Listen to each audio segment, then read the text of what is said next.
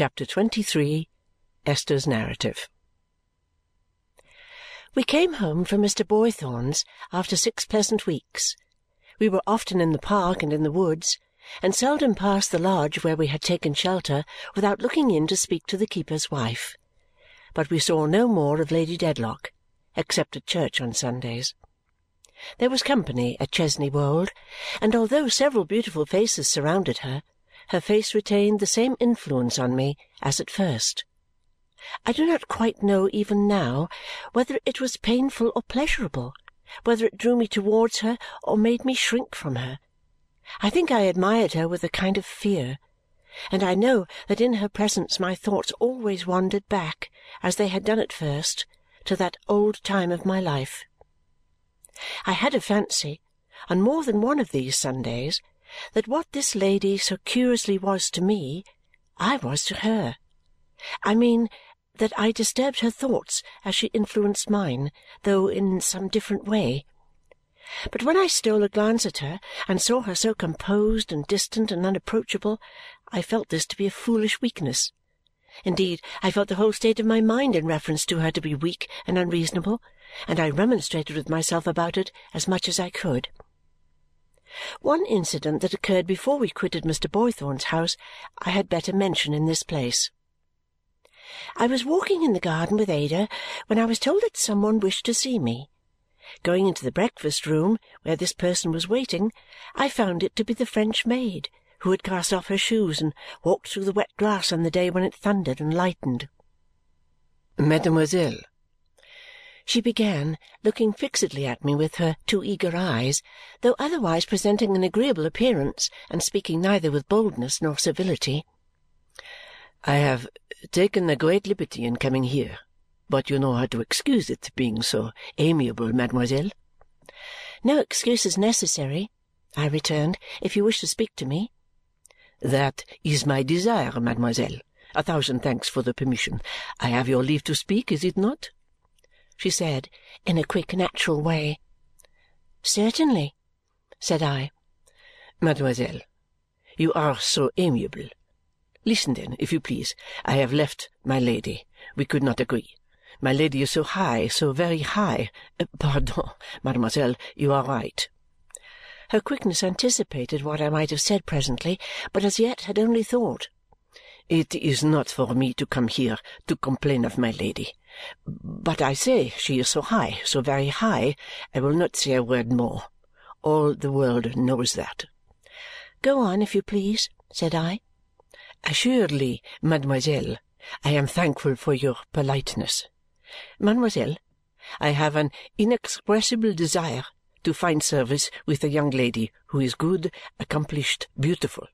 You are good, accomplished, and beautiful as an angel. Ah! Could I have the honour of being your domestic?" "I am sorry," I began. "Do not dismiss me so soon, mademoiselle," she said with an involuntary contraction of her fine black eyebrows. Let me hope a moment. Mademoiselle, I know this service would be more retired than that which I have quitted. Well, I wish that. I know this service would be less distinguished than that which I have quitted. Well, I wish that. I know that I should win less as to wages here. Good. I am content. I assure you, said I, quite embarrassed by the mere idea of having such an attendant, that I keep no maid. Ah, mademoiselle, but why not? Why not, when you can have one so devoted to you, who would be enchanted to serve you, who would be so true, so zealous, and so faithful every day? Mademoiselle, I wish with all my heart to serve you. Do not speak of money at present. Take me as I am, for nothing. She was so singularly earnest that I drew back, almost afraid of her. Without appearing to notice it, in her ardour she still pressed herself upon me, speaking in a rapid, subdued voice, though always with a certain grace and propriety. "Mademoiselle, I come from the south country, where we are quick, and where we like and dislike very strong. My Lady was too high for me. I was too high for her. It is done, past, finished. Receive me as your domestic, and I will serve you well. I will do more for you than you figure to yourself now. Chut! Mademoiselle, I will, no matter. I will do my utmost possible in all things. If you accept my service, you will not repent it. Mademoiselle, you will not repent it, and I will serve you well. You don't know how well. There was a lowering energy in her face as she stood looking at me while I explained the impossibility of my engaging her, without thinking it necessary to say how very little I desired to do so, which seemed to bring visibly before me some woman from the streets of Paris in the reign of terror. She heard me out without interruption and then said with her pretty accent and in her mildest voice, "Hey, mademoiselle, I have received my answer.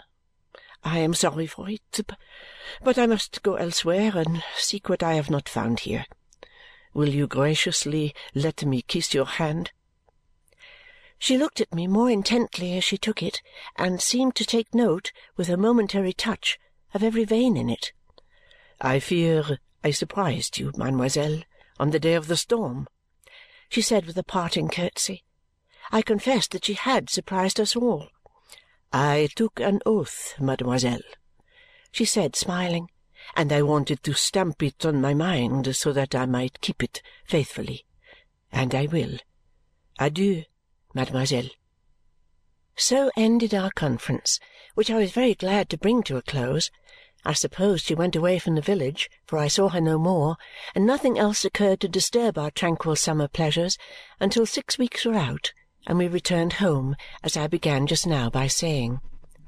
At that time, and for a good many weeks after that time, Richard was constant in his visits. Besides coming every Saturday or Sunday and remaining with us until Monday morning, he sometimes rode out on horseback unexpectedly and passed the evening with us and rode back again early next day. He was as vivacious as ever and told us he was very industrious, but I was not easy in my mind about him it appeared to me that his industry was all misdirected.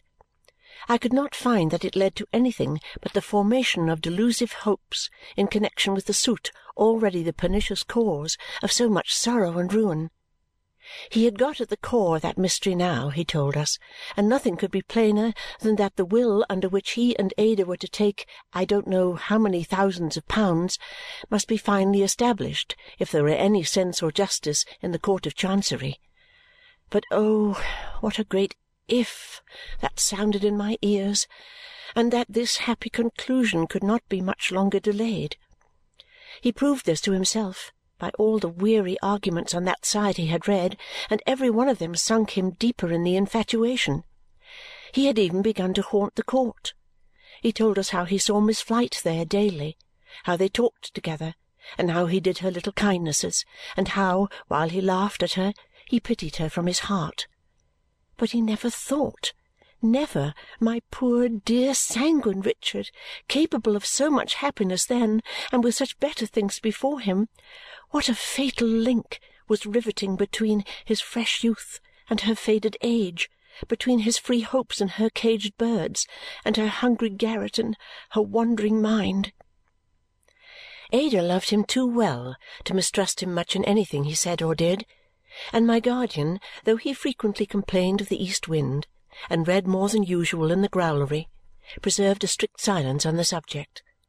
So I thought one day when I went to London to meet Caddy Jellyby at her solicitation, I would ask Richard to be in waiting for me at the coach office, that we might have a little talk together. I found him there when I arrived, and we walked away arm in arm. "Well, Richard," said I as soon as I could begin to be grave with him, are you beginning to feel more settled now?" "Oh, yes, my dear," returned Richard. "I'm all right enough." "But settled?" said I. "How do you mean, settled?" returned Richard with his gay laugh. "Settled in the law," said I. "Oh, aye," replied Richard. "I'm all right enough." "You said that before, my dear Richard." And you don't think it's an answer, eh? Well, perhaps it's not. Settled? You mean, do I feel as if I were settling down? Yes. Why, no, I can't say I am settling down. said Richard, strongly emphasizing down, as if that expressed the difficulty. Because one can't settle down while this business remains in such an unsettled state. When I say this business, of course I mean the forbidden subject. Do you think it will ever be in a settled state? said I. Not the least doubt of it, answered Richard. We walked a little way without speaking, and presently Richard addressed me in his frankest and most feeling manner thus.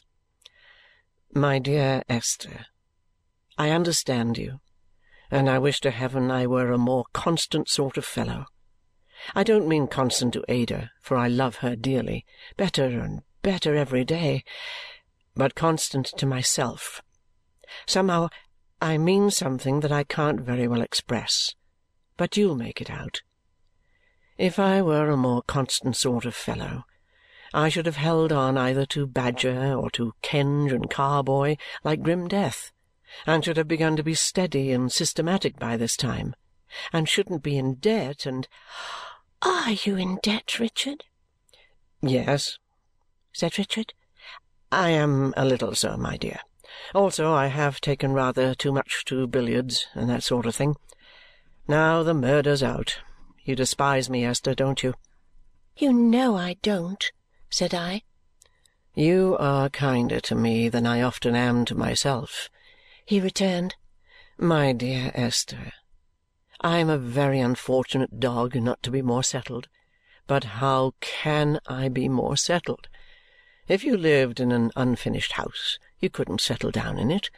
If you were condemned to leave everything you undertook unfinished, you would find it hard to apply yourself to anything, and yet that's my unhappy case. I was born into this unfinished contention with all its chances and changes and it began to unsettle me before I quite knew the difference between a suit at law and a suit of clothes, and it has gone on unsettling me ever since. And here I am now, conscious sometimes that I am but a worthless fellow to love my confiding cousin Ada. We were in a solitary place, and he put his hands before his eyes and sobbed as he said the words. "Oh, Richard!" said I. Do not be so moved. You have a noble nature, and Ada's love may make you worthier every day." "I know, my dear," he replied, pressing my arm. "I know all that. You mustn't mind my being a little soft now, for I have had all this upon my mind for a long time, and have often meant to speak to you, and have sometimes wanted opportunity and sometimes courage. I know what the thought of Ada ought to do for me, but it doesn't do it. I am too unsettled even for that. I love her most devotedly, and yet I do her wrong and doing myself wrong every day and hour. But it can't last for ever.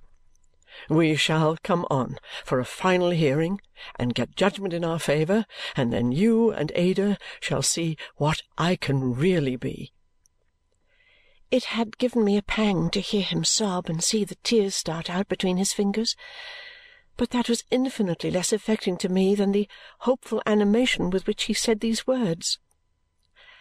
I have looked well into the papers, eh, Esther.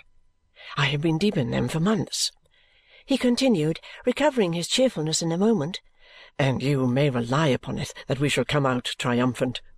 As through years of delay there has been no want of them, heaven knows, and there is the greater probability of our bringing the matter to a speedy close. In fact, it's on the paper now. It will be all right at last, and then you shall see. Recalling how he had just now placed Messrs. Kenge and Carboy in the same category with Mr. Badger, I asked him when he intended to be articled in Lincoln's Inn. There again, I think not at all, Esther he returned with an effort. I fancy I have had enough of it.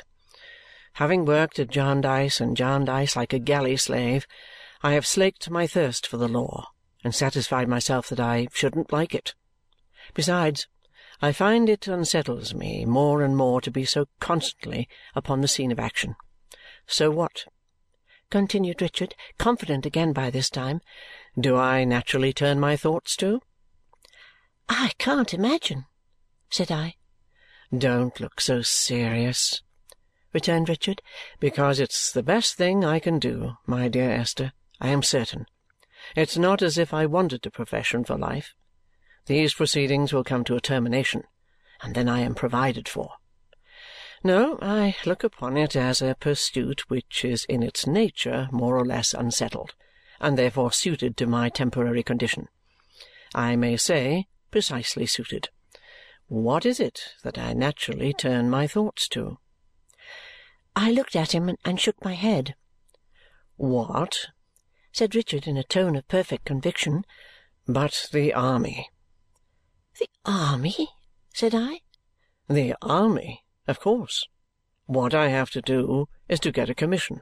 And there I am, you know, said Richard. And then he showed me proved by elaborate calculations in his pocket-book that supposing he had contracted, say, two hundred pounds of debt in six months out of the army, and that he contracted no debt at all within a corresponding period in the army, as to which he had quite made up his mind, this step must involve a saving of four hundred pounds in a year, or two thousand pounds in five years, which was a considerable sum. And then he spoke so ingenuously and sincerely of the sacrifice he made in withdrawing himself for a time from Ada, and of the earnestness with which he aspired, as in thought he always did, I know full well, to repay her love, and to ensure her happiness, and to conquer what was amiss in himself, and to acquire the very soul of decision, that he made my heart ache keenly, sorely.